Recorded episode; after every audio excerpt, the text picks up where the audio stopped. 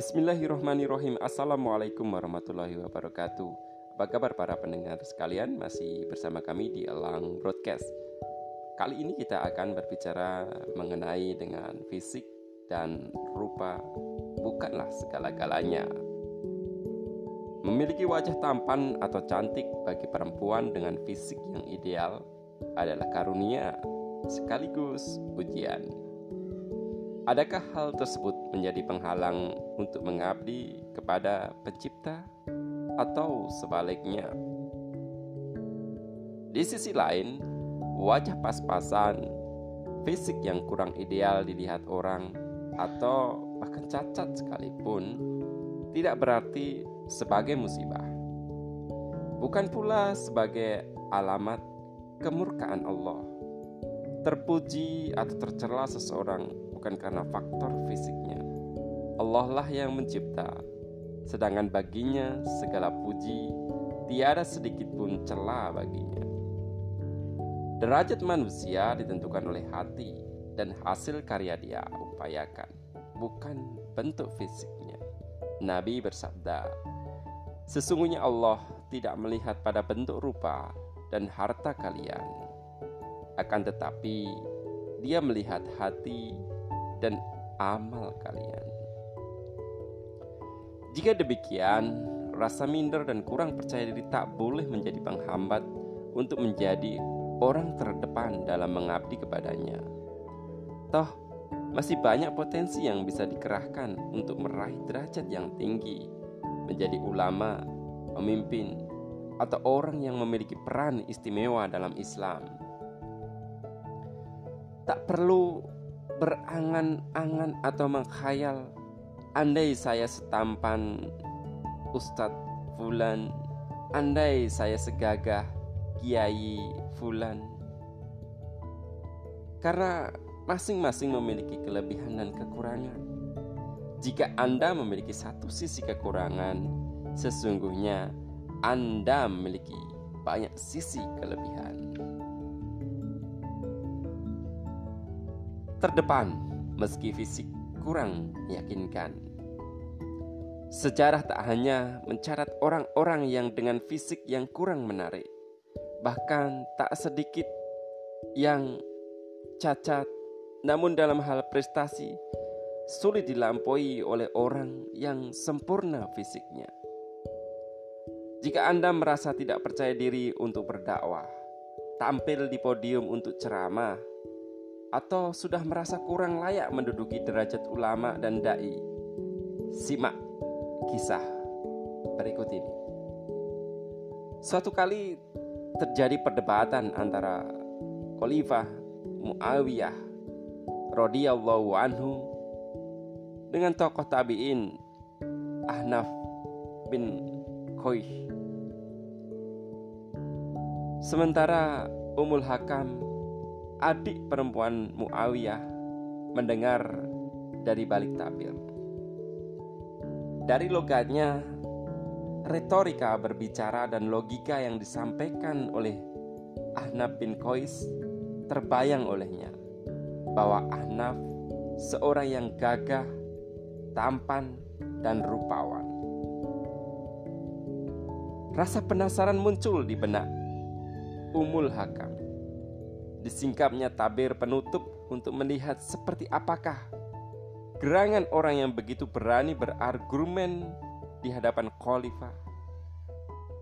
Ternyata ia adalah seorang yang bertubuh kecil, kepalanya botak, dagunya miring, matanya cekung, dan kedua kakinya bengkok.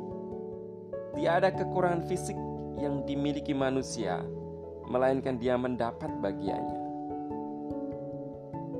Melihat fisik dari Ahnaf, Umul Hakam keheranan, lalu bertanya kepada kakaknya, "Wahai Amirul Mukminin, siapakah orang itu berani benar mendepat khalifah di rumahnya?" Muawiyah menghela nafas panjang lalu berkata, "Begitulah, jika dia sedang marah, niscaya seratus ribu penduduk Bani Tamim akan ikut marah tanpa tahu sebabnya. Dia adalah Ahnaf bin Qais, pemuka Bani Tamim dan pahlawan bangsa Arab. Kemampuan melesat meski jasadnya cacat. Yang lebih menakjubkan, sejarah mencatat orang-orang besar yang menyandang cacat tubuh. Potensi mereka melesat jauh melampaui orang-orang yang lengkap anggota tubuhnya. Tingkat syukur mereka pun meroket di atas orang-orang yang berjasad tanpa cacat seperti dirinya. Di kalangan sahabat ada Abdullah bin Umi Maktum yang tunanetra namun sanggup memimpin para senior sahabat di kala damai dan perang. Anas bin Malik meriwayatkan, Rasulullah mewakilkan kota Madinah kepada Ibnu Ummi Maktum sebanyak dua kali. Ia menjadi imam solat mereka meskipun ia buta. Hadis riwayat Ahmad. Di abad ini kita mengenal Syekh Abdul Aziz bin Abdullah bin Bas rahimahullah. Siapakah penuntut ilmu syar'i yang tidak mengenalnya? Beliau menjadi ketua Lajnah Ad-Daimah, sebuah lembaga yang memiliki kewenangan untuk berfatwa di Saudi. Fatwa-fatwa beliau juga banyak tersebar ke seluruh negeri. Orang-orang dari berbagai penjuru dunia datang untuk menuntut ilmu kepada beliau. Hasil karya beliau juga banyak dijadikan rujukan para penuntut ilmu. Berapa banyak orang yang sesat lalu mendapat hidayah melalui buku beliau. Berapa banyak orang yang tak memahami perkara syariat lalu menjadi pakar lantaran belajar kepada beliau derajat itu mampu beliau raih meskipun ia dalam keadaan tunanetra.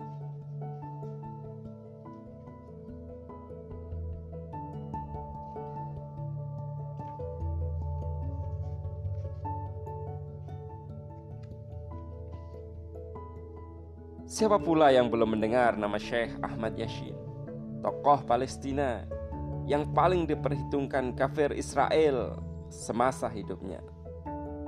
Untuk menyudahi perannya di kancah jihad, tiga rudal sekaligus dimuntahkan dari tiga arah oleh Israel. Hal ini dilakukan oleh musuh karena mereka sadar akan perannya yang sangat urgen bagi para pejuang.